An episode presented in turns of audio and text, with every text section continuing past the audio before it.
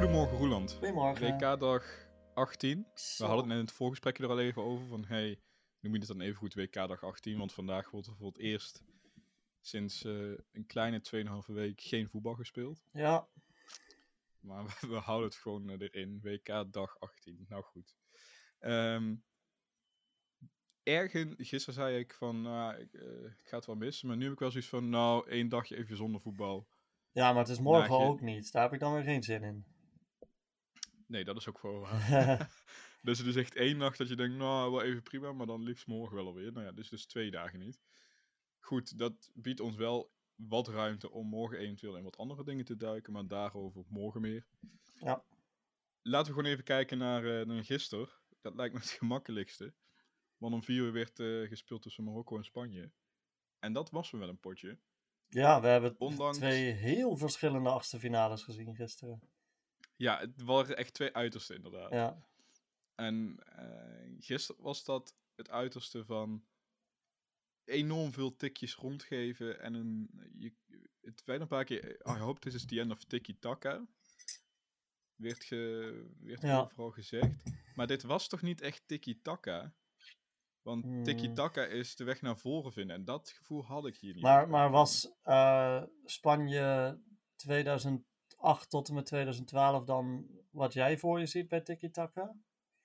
Nee, ik heb, bij- ik heb Spanje zeg maar nooit voor me gezien als Oké. tiki-taka. Ja, Tiki-taka was voor mij dat Barcelona van die tijd. ja, maar En- de meeste mensen zouden wel zeggen dat dat vertaald is toen naar hoe het nationale team speelde. Ja, maar die scoorde ook gewoon niet. Nee, precies. Die zijn dus wereldkampioen geworden in 2010 met in totaal acht doelpunten. Al hun knock-out wedstrijden ja. werden 1-0. En dat is echt veruit het laagste aantal ooit. Zelfs als je WK's met minder wedstrijden voor de kampioen meetelt. Dus het is, eh, het is wel een. Het is al zo lang een slepend thema bij Spanje. En soms lijken ze het lek boven te hebben. Ik weet op het EK 2012, toen wonnen ze in de pool met 4-0 van Ierland. En eh, toen wonnen ze ook in de finale met 4-0 van Italië. Dat je denkt, hé, hey, ze kunnen het dus wel.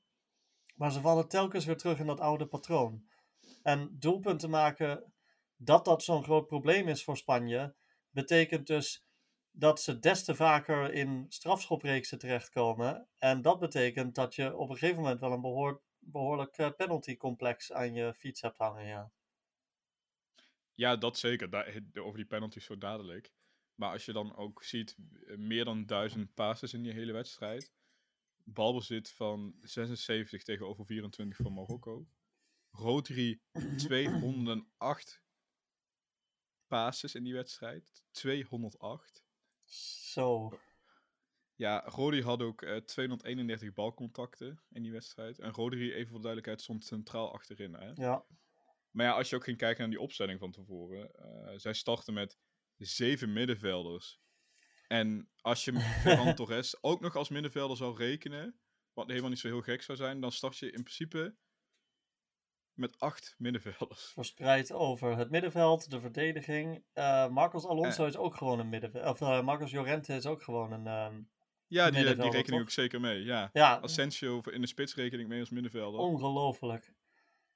Ja, dan, dat is echt gewoon zo bizar. Maar is dan, dat- zouden Spaanse voetbalacademies dan veel te veel ja, op middenvelders trainen? Dat kan je toch bijna niet voorstellen. Maar het is toch ook geen toeval meer op een gegeven moment dat zoveel van het Spaanse talent zich uitsluitend op het middenveld focust. Ja, want dat, misschien is je antwoord, je geeft misschien gelijk zelf wel antwoord. Ik denk het van wel, inderdaad. Het, talent zit daar echt op het middenveld. Want in de verdediging hoef je het niet per se te zoeken. En in de aanval zitten er wel wat eh, sprankjes tussen. Ik bedoel, Ansu Fati, nou dat, dat de pech is. Die kan gigantisch worden nog steeds, daar ben ik van overtuigd. Maar die is dus best wel blessuregevoelig. Ja. Is nog op de weg terug eigenlijk, dus die kon gewoon nog niet volledig ingezet worden. Maar verder is, ja, Ferran Torres, maar die kun je, die wordt, kun je toch ook wel als middenvelder eigenlijk zien. Die heeft net niet genoeg diepgang misschien, om echt in die aanval te staan, om eh, echt te kunnen floreren. Nou, Dani Olmo vind ik een niet goed genoeg voetballer. Nee, daar ben ik, moet nooit zeggen- enthousiast over geweest. Nee, ik ook niet. Ik moet wel zeggen, eh, Nico Williams van Atletico de Bilbao. Die vond ik goed invallen voor het eerst. Eh, die vond ik het hele WK nog niet zo heel sterk. Maar het broertje van, dus die vond ik nu Ja. wel eindelijk goed invallen. Die sprint er een paar keer goed voorbij. Eh, dat kwam ook wel. Hij viel in 75, 75ste minuut in, ja. En eh, dus er zat al wat minder snelheid achterin bij Marokko. Dus hij had ook die kans om daar meer er voorbij te sprinten. Ja, toen dacht ik ja. eigenlijk, nu, nu gaan ze er nog overheen. Dat vond ik eigenlijk en- wel goede wissels. Ja, dat was helemaal niet zo gek. En dan denk je ook van, hé, hey, ze gaan nu verlenging in en dan duurt het nog een half uur voor Marokko. Ja, dat kun je bijna niet meer volhouden. Ja, dat hielden ze eigenlijk prima vol. Sterker nog, de grootste kansen uiteindelijk in die verlenging.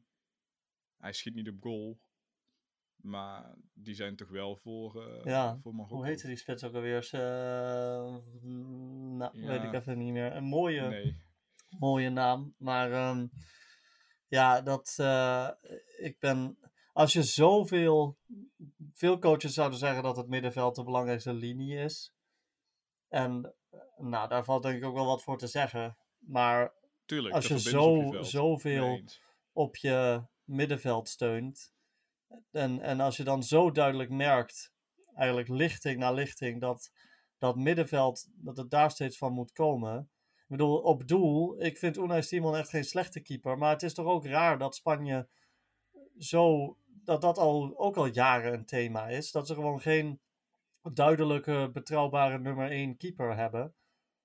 En, en in de aanval vraag ik me dan af, wat moet Alvaro Morata nog meer doen om een basisplaats te verdienen?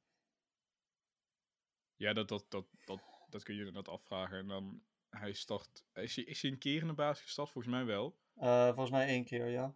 Ja, volgens mij in die tweede wedstrijd in een poolfase. Nee, wat, tegen Duitsland? Nee, want dat was tegen Duitsland. Tegen Japan Dan zat hij de derde... Hij tegen Japan wel. Ja, want toen scoorde hij in de eerste helft, ja. Dat was- Ja, nou, dat is, ja, nou precies. Dan is Morata in, de, in die derde wedstrijd. Ja, uiteindelijk wint Spanje sinds het winnen van eh, de Wereldbeker in 2010 maar drie wedstrijden op het hele WK. Dus in 2014, 2018 en 2022 in totaal van 11 WK-wedstrijden hebben ze er drie gewonnen. En dat was dan tegen Australië, Iran en Costa Rica. Ja, en, en geen van die wedstrijden waren knock-out wedstrijden. Ehm, ik, moest, ik, ik bracht meteen eh, Portugal 2010 in herinnering. Die wonnen toen met 7-0 van Noord-Korea. Maar dat was toen de enige wedstrijd die ze wonnen op dat hele toernooi. En ze lagen eruit in de achtste finales. En dat is eigenlijk ook wat hier gebeurde. Na die 7-0 tegen Ja. Costa Rica dachten we van... Oh, Spanje meldt zich even als, eh, als eh, titelkandidaat. En als je ziet hoe Costa Rica die poolfase afgespeeld heeft... werd dat beeld nog steeds wel een beetje bevestigd. Ja, Maar, want zo slecht waren die nou ook weer niet. Maar het... eh, nee, absoluut niet. het ja, Ja, nou ja, misschien kun je daar een kanttekening mee plaatsen. Zo goed. Uiteindelijk is heel groep E nu uitgeschakeld. Hè? Mhm. Ehm, ik blijf ze de allerzwakste broeder vinden op dit WK samen met Wales, Costa Rica. ja. Maar inderdaad, ze wisten uiteindelijk wel nog een... eh en Qatar, sorry inderdaad. dat ze die niet vergeten. Maar dat zegt heel veel misschien. ja, inderdaad. je er eens meer noem. Eh, ehm, die konden wel nog een eh vuist uiteindelijk maken tegen Japan. Nou, dat kwam ook wel door Japan. En die konden, die kwamen nog met 2-1 tegen Duitsland. Maar dat kwam vooral ook wel door Duitsland. Ja, Dus, maar toen inderdaad, toen had je zo oké, dit Spanje is echt wel eh, indrukwekkend hoor. En zeven keer scoren, dat doe je ook niet eh, elke, elke dag op een WK. Ja, ehm, jam, ja, bijzonder, jammer wilde ik zeggen, maar is het jammer? Ik bedoel, uiteindelijk vind ik het eigenlijk veel leuker dat Marokko hier doorgaat. Want die voetbalde echt verschrikkelijk effectief ja. tegen dit Spanje. Ik ben, ik ben altijd wel fan van Spanje. Ehm, maar ik denk wel dat dat meer komt doordat ik het zo'n leuk land vind. dan dat ik nou echt het zo fantastisch vind om naar te kijken. Als alles uit de verf komt bij Spanje, dan, eh, dan zit ik op het puntje van mijn stoel. Maar dat gebeurt gewoon bijna nooit. En ik zie ook niet zo goed wat hier nou de oplossing voor is. Maar ik denk niet dat Luis Enrique de man gaat zijn die er naar op zoek moet. Ehm, en ja, als je dan tegen zo'n Marokkaanse ploeg speelt, die ook tactisch deze wedstrijd wel ja, op een gedurfde, maar wat mij betreft juiste manier is ingegaan. Ja, dan wordt het een, een lastig verhaal. Ja, en Marokko die gingen, die deden eigenlijk, gingen hetzelfde hanteren als dat Japan deed in die laatste poolwedstrijd tegen Spanje. Alleen ging die laatste, ze gingen eigenlijk nog lager op het veld staan. Ja, En ja, en dan heb je één, zonder hem lukt dit niet. Sofian Amra, Amrabat, ja, wow, wow. die, Wat- eh, dat is echt abnormaal. Hoe wat hebben we gemist is. aan hem? Eh, Wat heeft, wat heeft Feyenoord niet gezien? Wat heeft Club Brugge niet gezien? ja, En wat zag uiteindelijk Hellas Verona wel? En die kon dan verkopen voor 20 miljoen aan eh, Fiorentina. Ik heb echt geen idee. Ja, nou dat laat zien dat je niet per se op je 20ste er al hoeft te zijn. Dat het ook gewoon op je 25ste eruit kan komen. Ja. Of in dit geval 26. Maar zegt vanaf 24, 25 kwam het er bij hem echt uit. Dat, en dat geduld hebben dus eh, heel belangrijk kan zijn bij voetballers. ja, en hij is eh, eh, al vier wedstrijden fenomenaal nu. Ehm, dus dan heeft hij zichzelf wel echt in de kijker gespeeld daarmee. Ja, het is niet inderdaad dat hij nu twee wedstrijden goed voetbalt. Nee, het is inderdaad vier wedstrijden achter elkaar inderdaad. Wat jij zegt, ja. Want waar, waar, waar gaat die gozer, waar gaat die jongen daar naartoe? Ehm, Wat is een club? Ik zat namelijk zelf te denken, er is een club op dit moment in de Premier League die best wel een probleem heeft op het middenveld. Liverpool. Waar die positie best wel eh, ingeruimd kan worden door hem. En ik weet niet of hij dat ook aan kan daar. ja, Ja, nou, ik denk dat niet? ze bij Liverpool de voorkeur aan Bellingham zouden geven. Als ze Zeker, maar naast het zijn dat net natuurlijk wel twee vissen, verschillende- dan... eh, ja, nee, dat is ook. En eh, je, ik, als, je kan zeker er een ehm, eh, case voor maken dat Liverpool meer dan één nieuwe middenvelder nodig heeft. Ja, eh, zeker. dus, Als jij eh, het middenveld daar wil vernieuwen en je doet dat met inderdaad eh, Bellingham en Amrabat. En je laat daar Thiago eh, bij staan, of Fabinho, want Fabinho heb ik steeds idee, die is 34, maar die heeft nog maar steeds eh Ja. 7, of, 7 of 28. Ja, dan heb je dat, dat, dan is het niet normaal hoor. Maar ik denk Bellingham zal, ik weet niet wat de clausule is, maar die zal echt niet eh, voor minder dan 120 miljoen weggaan. Daarbij kun je de vraagteken zetten, gaat Liverpool, Liverpool dat ooit doen? Ehm, en ik denk dat eh Amrabat voor een eh, miljoen of 50 echt wel op te halen is. Ja, ik denk dat qua hoe hij speelt op dit toernooi, dat, dat hij misschien. Dan is de Premier League niet de eerste competitie waarbij ik, die ik met die speelstijl associeer. Ik denk dat ehm, als, je, als je bepalend wil kunnen zijn als middenvelder op de manier die hij nu is, dat dan misschien La Liga een, Ja, een interessantere optie is. Maar, ehm, vooral als jij hier, eh, als jij eh, tegen Kroatië Modric totaal uit zijn spel kunt halen, Ja. die in Spanje speelt. Als jij in de wedstrijd tegen Spanje Gavi, Pedri en Sergio Busquets uit het spel kunt halen, ja, misschien hoor je dan wel thuis in La Liga inderdaad. Maar dan zit je een beetje te denken, ja, wel, wat is dan een stap hogerop? Ja, Atletico, maar daar zeker niet naartoe gaan. nee, dat is, daar Barcelona en Real, ja. En Madrid heeft geen middenvelders nodig. En Barcelona, ja, weet ik, ja dat hoop ik gewoon niet. En dan gaat hij Nou, daar heb je ook wel Dus gelijk het- in. Ja. Dus wat dat betreft, de stap hogerop naar La Liga, ja, dan moet je al gaan kijken naar de iets lagere. Maar die vind ik dan Niet redelijk gelijk staan met Fiorentina. Nee, op Ja, dit moment nee, zou je dan toch wel een hogere eh, stap willen zien. Ben ik met je Dus eens. de- ik denk dat we dat met, alle, met z'n allen heel erg gaan volgen. En ik ben daar heel erg benieuwd naar. En, Hij was ja, helemaal in, dit- eh, in tranen achteraf, hè? Nou, Ja, dat is echt prachtig. Ook omdat hij een blessure had Ja, hè, aan ja. zijn rug. Maar je zag dat bij alle jongens wel. Amrabat was emotioneel, Ziyech was niet emotioneel, maar daar straalde plezier vanaf. ja. Heb je ook gezien, je zag die feestvreugde al die spelers, maar Ziyech ontbrak toen, hè? Oh, dat heb ik Die niet was, gezien. eh, nee. die, ja, die zat bij, eh, volgens mij Ansu Fati zat hij op de grond. oh, eh. was dat? Zie- ja, dat is dus, ja, dat is dus zijn, ja, nou ja, dat is dus zijn persoonlijkheid. Prachtige gozer blijft dat. Ik vond Masrowi ook weer heel erg goed. Ja, maar ik vind sowieso dat eigenlijk iedereen bij Marokko zijn taak eh uitstekend ook uitgevoerd heeft. En daarmee heeft die, die, die coach, die toch eigenlijk ja, pas net aan het roer is bij Marokko. En oké, hij heeft de Afrikaanse Champions League gewonnen met eh, wie dat Casablanca. Dus dan zal hij inderdaad wel iets kunnen. Maar ehm, dat, heeft, ik heb er wel ontzag voor hoe goed deze, nou ja, deze nieuwkomer dat elftal eigenlijk neer heeft gezet. Marokko speelde best wel op dezelfde manier, namelijk in de, op, in de drie wedstrijden in de poolfase. En daarvan dacht ik wel van, nou, als ze dat weer tegen Spanje gaan doen, kan ik me wel voorstellen dat ze, dat ze zeg maar, vastlopen in het drijfstand. Maar hij heeft ze totaal anders laten voetballen en dat heeft zich uitbetaald.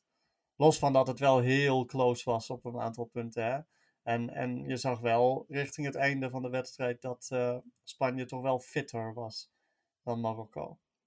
Zeker, het was op een gegeven moment op en ze vielen best wel om. En het was echt niet, ik geloof wel dat dat niet was om tijd te rekken. Daar zaten echt gewoon pijntjes. Uh, die gozer die trouwens nog grote kansen miste in die, uh, in die verlenging was uh, Walid Chedira. Prachtige naam. Mooie naam. Um, ik zag Simon Cooper, ken je vast wel. Die schreef dat boek over de val van Barcelona. Ja. Die, die gooide er een tweet uit dat hij zich... ik snap dat we allemaal, in het Engels tweet hij dan altijd... Maar in de trant van ik snap dat we allemaal de, de kleinste nu moeten supporten. Maar wat een tijdrekken. Dit is toch niet leuk om naar te kijken. ik weet niet, support je nu Spanje? Ik, daar voetballen Sergio Busquets en Jordi Alba die niets anders doen dan dat. Uh, dus hou alsjeblieft op. Ja, en, en is het nou echt wel heel leuk om naar te kijken hoe de bal steeds balletje breed, balletje breed, balletje weer terug, tik naar voren. oh nee, toch niet. Dan toch maar weer terug. Tik, gisteren hadden wij het, uh, wij hadden het gisteren over sport, sportpsychologen. Van uh, je moet eens kijken hoe het kan dat uiteindelijk die Afrikaanse teams en dergelijke het uiteindelijk het loodje leggen. Misschien moeten we met sportpsychologen of met, überhaupt met een psycholoog gaan praten over waarom witte Nederlandse journalisten zo'n fan zijn en altijd het Spaanse en het Barcelona, of het Spaanse voetbal en het voetbal van Barcelona altijd maar blijven verdedigen. En de, alle, bijna allemaal lopen ze daarmee weg. Ja, dat, eh, oh, ja terwijl als je er gewoon op uitzoomt, Spanje is een tijdje heel goed geweest. Maar zijn ze ooit echt heel leuk geweest? Nee, geen moment. Nee, dus waarom houden we daar zo van? En natuurlijk heb je wel eens van die wedstrijd, dat was toen tegen Duitsland, was dat begin dit jaar of vorig jaar, toen ze met 6-0 Duitsland van de mat vegen in, in echt sprankelend voetbal. Ja. Prachtig. Maar op een eindtoernooi zie je dat niet. Ja, die wedstrijd tegen Costa Rica, maar dan is het Costa Rica. Ja, het, uh, het is een hele casus dat Spanje. En ik, uh, ik ehm, normaal gesproken zou Spanje mijn, uh, na Nederland mijn favoriet zijn geweest in dit toernooi. Als in waar ik zelf achter sta. Maar ik hoopte echt dat Marokko zou winnen. Zeker naarmate de wedstrijd vorderde, dacht ik van ja, maar Marokko verdient het ook gewoon. En dat is dan uiteindelijk ook gebeurd na penalties. Na penalties uh, met de zanger van U2 voorop. Boven. Ja. Die ook uh, een fantastische, fantastische acte présence gaf natuurlijk. Ja, en die pakt dan uh, twee van die drie ballen, want eentje gaat op de paal. Ja, prachtig. Jij wilde het trouwens nog even hebben over die penalties, hè? Ja, um, we zagen in deze strafschopreeks weer twee spelers die daar eigenlijk vooral om een penalty te nemen opgebracht waren. Namelijk Pablo Sarabia en Benoun bij Marokko allebei weer missen. En dan moest ik toch meteen denken aan de EK-finale van vorig jaar, waar precies datzelfde gebeurde bij twee spelers. En dan begin ik me toch af te vragen, als je het dan over psychologie hebt, moet je dat wel doen als coach? Want er ligt al heel veel druk op het nemen van een penalty in een penalty-serie. En als je dan iemand speciaal nog het veld opstuurt met als enige doel eigenlijk om een penalty raak te schieten, dan voer je die druk toch nog alleen maar nog verder op. Dat kan toch geen toeval zijn? Ja, het kan wel toeval zijn, denk ik. Maar ik geloof niet dat het dat is. Ik denk dat echt dat je spelers met extra bagage het veld instuurt. Uh, en dat je wat dat betreft spelers die misschien minder goed zijn in het nemen van penalties, maar wel al de hele wedstrijd of een groot deel van de wedstrijd op het veld staan, die verantwoordelijkheid kan laten nemen.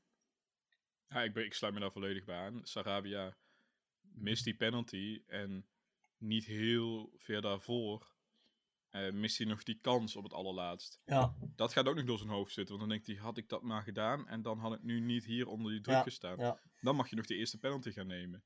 Dan mis je die vervolgens. Dan komt er nog een grotere druk op die tweede invaller.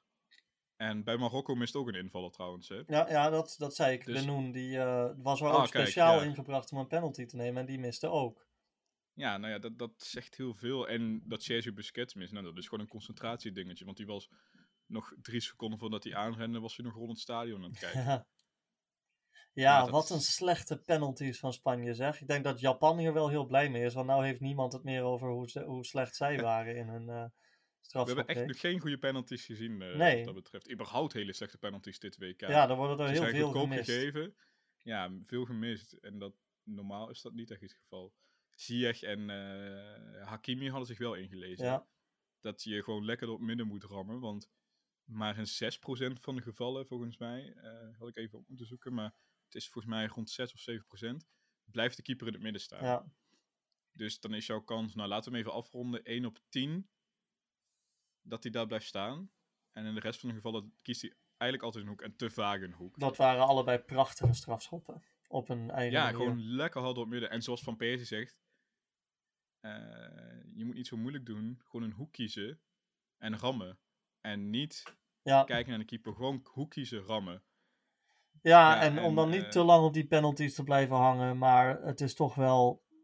ehm, ik heb natuurlijk een behoorlijke haat-liefde verhouding met penaltyreeksen. Want ik hou ook wel heel erg van drama. Maar het is natuurlijk verschrikkelijk. Ehm, Spanje, volgens mij de tweede ploeg ooit die op een WK nul penalties erin schiet in een strafschopreeks. Alleen Zwitserland tegen Oekraïne in 2006 uit mijn hoofd ehm, deed hetzelfde. En eh, nu drie eindtoernooien op rij uitgeschakeld naar penalties.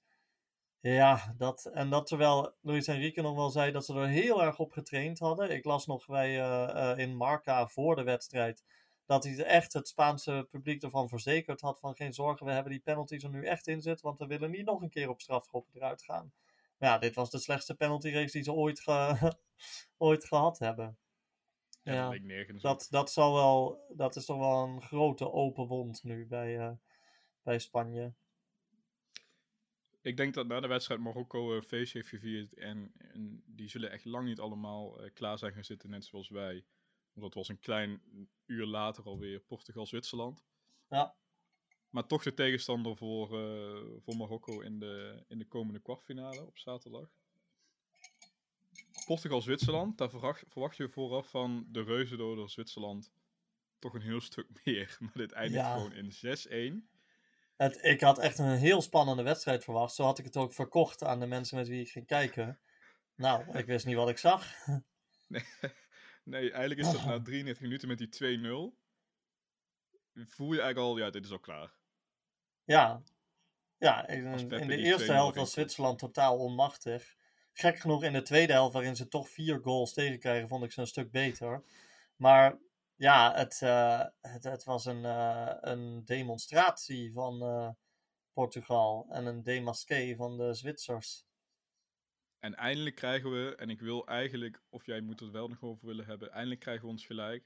Zonder Ronaldo voetballen ze veel en veel beter. Dit is het allerbeste wat Portugal gespeeld heeft op een eindtoernooi. Van elk geval een wedstrijd die er echt om gaat sinds ik me kan herinneren. Ik, eh, Ja, nou ja, toen, toen, toen die 3-3 tegen Spanje. Maar dat was misschien vooral ja, spectaculair. en dan haal je ook niet het resultaat eruit natuurlijk, want dat is maar een gelijkspel. Nee, nee dan, da- als je dan gaat kijken puur met winst, ja, dan is dit, eh, eh, die steekt er ver bovenuit. Willen we heel veel woorden veel maken aan Cristiano Ronaldo, want die wilde aandacht heel graag op zich door zo het veld af te lopen, of zeggen we, doen wij niet. Eh, dan houden we nog wel ietsje meer aandacht dan toch. Ehm, ik ben vooral gewoon heel benieuwd, want de teneur in de Portugese media was dat Ronaldo op de bank begon als straf voor die reactie toen hij daar afgehaald werd tegen Zuid-Korea. Ehm, dat heeft Fernando Sanchez niet uitgelegd, wat zijn motivatie daarvoor was. Ehm, maar als dat de reden is, dan suggereert, suggereren die media daarmee dat dit een uitzondering was en dat het in principe de bedoeling is dat Ronaldo normaal gesproken wel in de basis staat. Maar als je je ploeg dan zo ziet spelen en als je een heel jonge aanvaller van Benfica die hem vervangt, de eerste hat-trick van dit toernooi ziet scoren, wat moet je dan als, als Sanchez zijn? Nou ja, gewoon lekker op de bank laten zitten. Je kan je hele publiek wel schreeuwen en dan kan, ik vond het ook zo'n bizar beeld, eh, die teamfoto waar dan twee, drie eh, man met camera bij Ja. staan. En de rest staat allemaal, er staan echt 70 man met camera om die bank heen om eh, Ronaldo te fotograferen. Dan krijg je natuurlijk ook een waanzinnig, eh, dat, dat kan, eh, ik, ik zocht een woord, maar laat ik hem zo gewoon omschrijven, dat kan gewoon niet goed voor je zijn. Ja, het is een cult of personality, dit, dat hele Portugese circus. Ja, maar dat het, het kan niet. Dat, dan moet je, dan wordt je ego. Dat, ja, dat, dat is niet voor te stellen hoe wat voor gevoel dat moet geven. Ja. En als dan ook nog het hele stadion juicht elke keer dat je in beeld gebracht wordt. Ja. Dan krijg je, ik weet niet, heb jij de serie Ho- eh, The Boys gezien? Nee, Ah, nou, een beetje het Homelander gevoel voor de mensen die dat wel hebben gezien. Zo'n waanzinnig groot iemand, maar dat gaat je naar je kop stijgen. En dat zag je, want na de wedstrijd loopt hij gewoon weer de, gelijk de catacombe in. Terwijl het hele publiek om je geschreven heeft. Bedank iedereen. Feest met je teamgenoten. Maar ik wil, nogmaals, ik wil er niet te veel woorden aan vuil maken, want dat doet hij puur zodat al die nieuwsberichtjes toch weer over hem gaan. ja. dan heb ik het liever over eh, de uitblinkers. Bruno Fernandes was fantastisch. Ja. eh, Joao Felix speelde heel goed. Nou, Gonzalo Heel Ramos heeft natuurlijk eh, meer dan zijn visitekaartje afgegeven. Ik vind het belachelijk hoe weinig speelminuten Rafael Leão krijgt op dit toernooi. Hij maakte ook weer een prachtig doelpunt. En eh Pepe heeft toch op zijn 39-jarige leeftijd weer een goaltje erbij weten te prikken. En hoe, hè? Echt een mooie kopbal. Ja, Echt een goede kopbal. corner uit het, eh, uit het eh, tekstboek. Ja, en die Gonzalo Ramos, 21, bij Benfica, had tot nu toe 33 interlandminuten gemaakt. Nou, dan En vervolgens eh, voetbal je in die er, 33 eh, interlandminuten volgens mij ook al één keer gescoord. Nou ja, kijk aan. En dan vervolgens eh, in je volgende zes- 66 scoor je er drie. Nou, dat belooft nog wel wat. Ja. Maar die kan nog geen 5% van wat Ronaldo kan, zei Rafael van Vaart. Oh, dat was zo. dat hij ook gewoon. Wat, wat is dat toch met sommige mensen? Piers Morgan heeft dat dus ook. Dat als je andere spelers dan Ronaldo prijst, zien ze dat meteen als een aanval tegen Ronaldo. En, en was het Sjoerd van Ramshorst gisteren? Eh, nou, in ieder geval de presentator. Die eh, schoot dat ook meteen een beetje zo in de verdediging van... Ja, maar ik zei toch helemaal niks. Ik doe toch helemaal niks af aan de carrière van Ronaldo. Maar eh, moet ik nou na Ik deze wedstrijd waarin hij niks gepresteerd heeft... ook nog zeggen... Oh, wat fantastisch, Ronaldo. En ehm, nou ja, ik weet wel dat in Portugal... eh, zijn er ook nog steeds heel veel mensen die vinden dat hij gewoon in de basis moet staan. Maar de, de, na de overwinning van gisteren lijkt toch het grootste deel van het Portugese publiek zoiets te hebben van, nou ja, zonder Ronaldo spelen we beter. Nou, je had die statistiek vooraf en ik weet niet precies waar, dat, of waar die enquête werd gehouden. Het leek me een soort van de één vandaag opiniepanel. Mhm. Maar dat 70% van de Portugezen zei van, nou, zet hem op de bank. Ja, de en wedstrijd. ik heb, het zijn natuurlijk niet allemaal Portugezen die juichen elke keer dat Ronaldo in, eh, eh, in beeld komt. Hè? Het is het WK, dat zijn mensen van over de hele wereld die naar het stadion komen om hun idool Ronaldo te zien spelen. Ja. En dan kan je, eh, en ik heb echt geen enkel vertrouwen nog steeds in Fernando Sanch als eh, people manager, dus we moeten het gaan zien. Maar hij moet zich realiseren dat hij bondscoach is van Portugal. En niet van fans uit India en Afrika die naar Qatar gekomen zijn om Ronaldo te zien spelen. En dat doet hij nu misschien ook wel, hè? Want ik bedoel, hij zet er nu op de bank. Hij, je wint met 6-1 van toch Zwitserland. Ik bedoel dus niet dat je, dat je voetbal tegen, tegen nou, Costa Rica. Eh, nee, je voetbalt gewoon tegen Zwitserland. En die waren denk ik gewoon helemaal moe gestreden na die eh slijtageslag tegen Servië. Plus wat allemaal nog daarna kwam. Ze hebben in elk geval in hun vijfde WK-achtste finale voor het eerst een keer een doelpunt weten te scoren in de achtste finales van een WK. Dat is iets. Dat is toch vooruitgang. Ja, precies.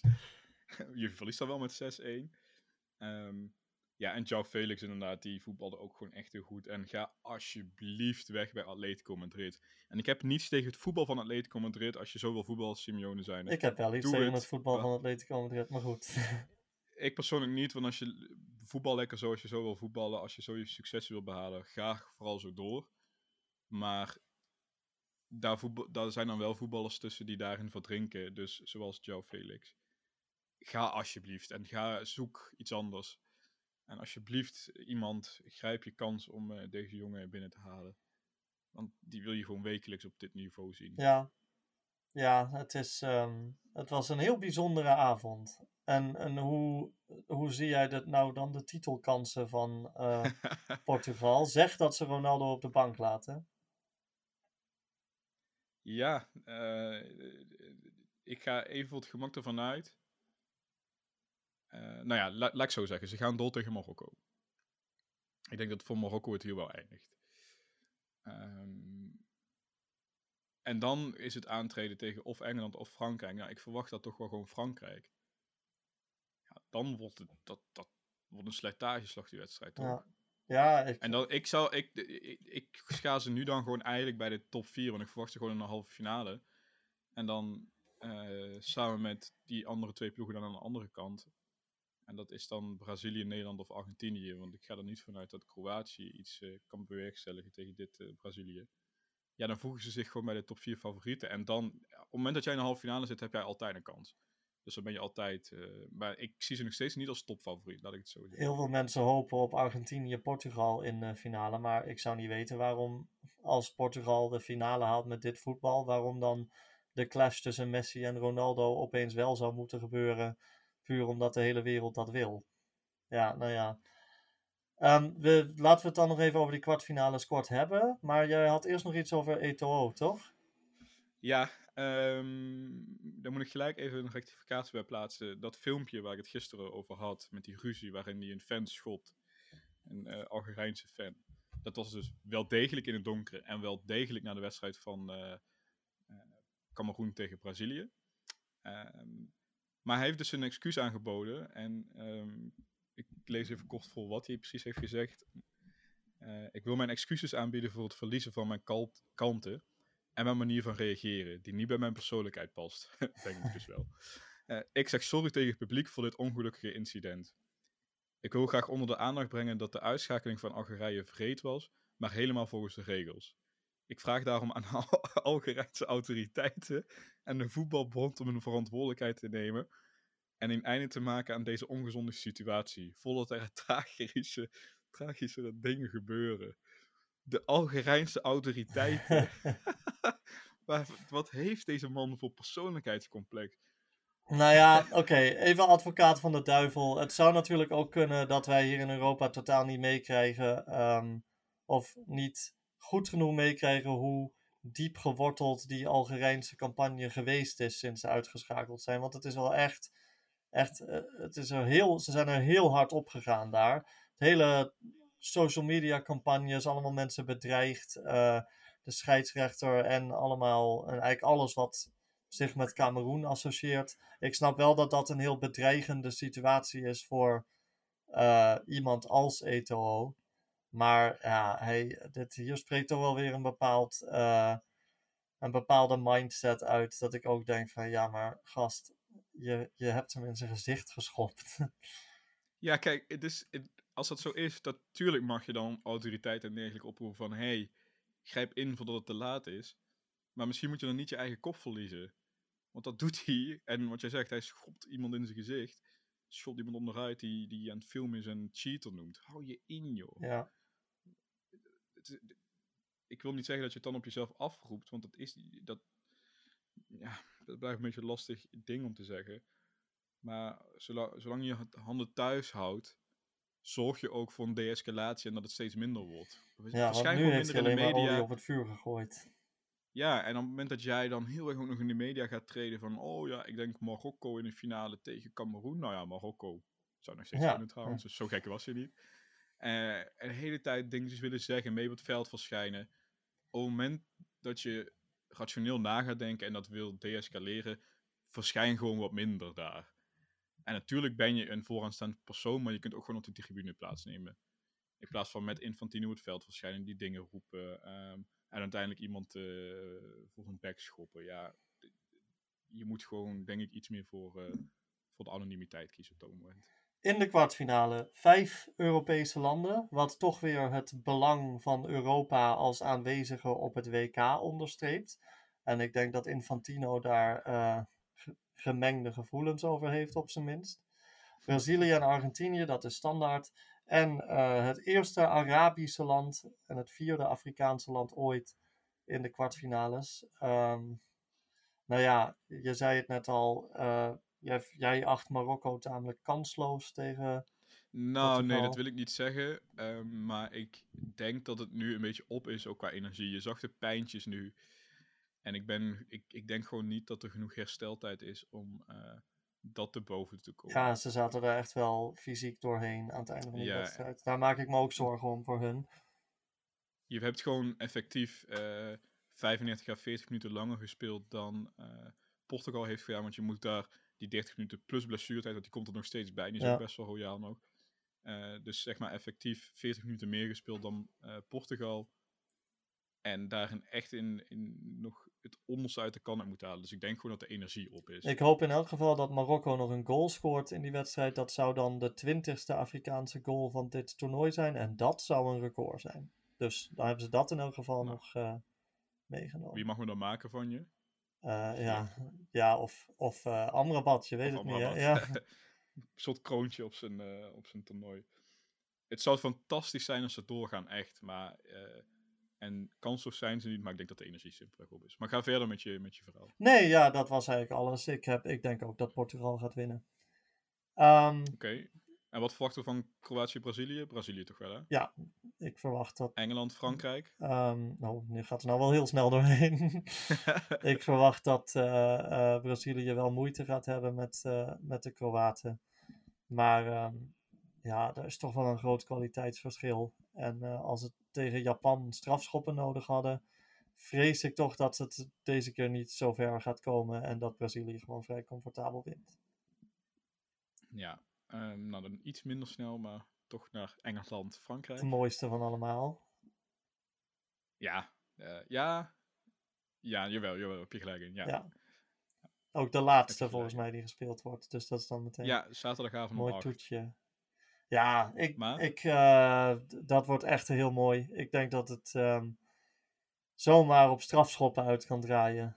Dat zal Engeland natuurlijk niet willen. Maar ik denk dat ze echt wel heel erg aan elkaar gewaagd zijn. En ehm, dat Frankrijk net iets meer in zijn mars heeft dan, dan de Engelsen. En eh, doorgaat naar de halve finale. Ja, maar net iets meer een mas, eh, waardoor ze dan de penalties winnen, of dat ze het wel in de Nou ja, als het penalties worden, verwacht ik wel dat Frankrijk dat wint. Maar als er een ploeg het in de reguliere tijd gaat winnen, dan zou ik natuurlijk ook zeggen dat dat dan Frankrijk En is. wat is dan het argument dat Frankrijk het wint, omdat Engeland dat eh, trauma heeft? Ja, Want Loris pakt geen penalty, hè? nee, maar dat maakt helemaal niet uit. Dat zei ik ook al in een van onze vorige podcasts. Loris, een perfecte tegenstander, Engeland, om, eh, om vertrouwen wat penalties betreft tegen te winnen. Want zelfs, het maakt niet uit wat ze doen, die, die winnen gewoon niet. Oké. nou, ik denk überhaupt niet dat dat tot penalties eh, komt. Ik verwacht eerder dat Frankrijk eh, het eh, binnen de 90 minuten gaat redden. Ehm, maar ik denk ook wel gewoon Frankrijk. En dan natuurlijk Nederland-Argentinië. Vrijdagavond. Ik denk dat dat qua scoreverloop de minst eh, interessante wedstrijd gaat Ja, worden. dat wordt niet veel stugste, gescoord worden. ja. ja, dat wordt echt een hele stugge wedstrijd. En dan is het echt afwachten. Gaat Scaloni zich spiegelen eh, met Argentinië en Nederland?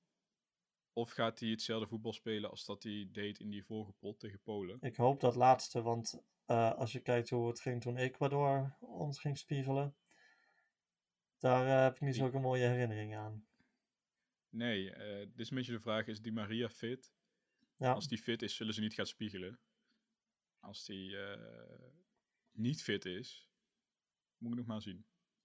ik, ja, eh, ik- ik- denk dat ik we, dat we daar zomaar weer een soort Spanje-Marokko-achtige wedstrijd te zien gaan krijgen, waar in de tweede helft van de verlenging Argentinië kost wat kost penalties wil voorkomen en Nederland zoiets heeft van, nou, we hebben zoveel getraind op die strafschoppen, kom maar op. eh, Ja, dat wat strauwen, vertrouwen zitten natuurlijk wel.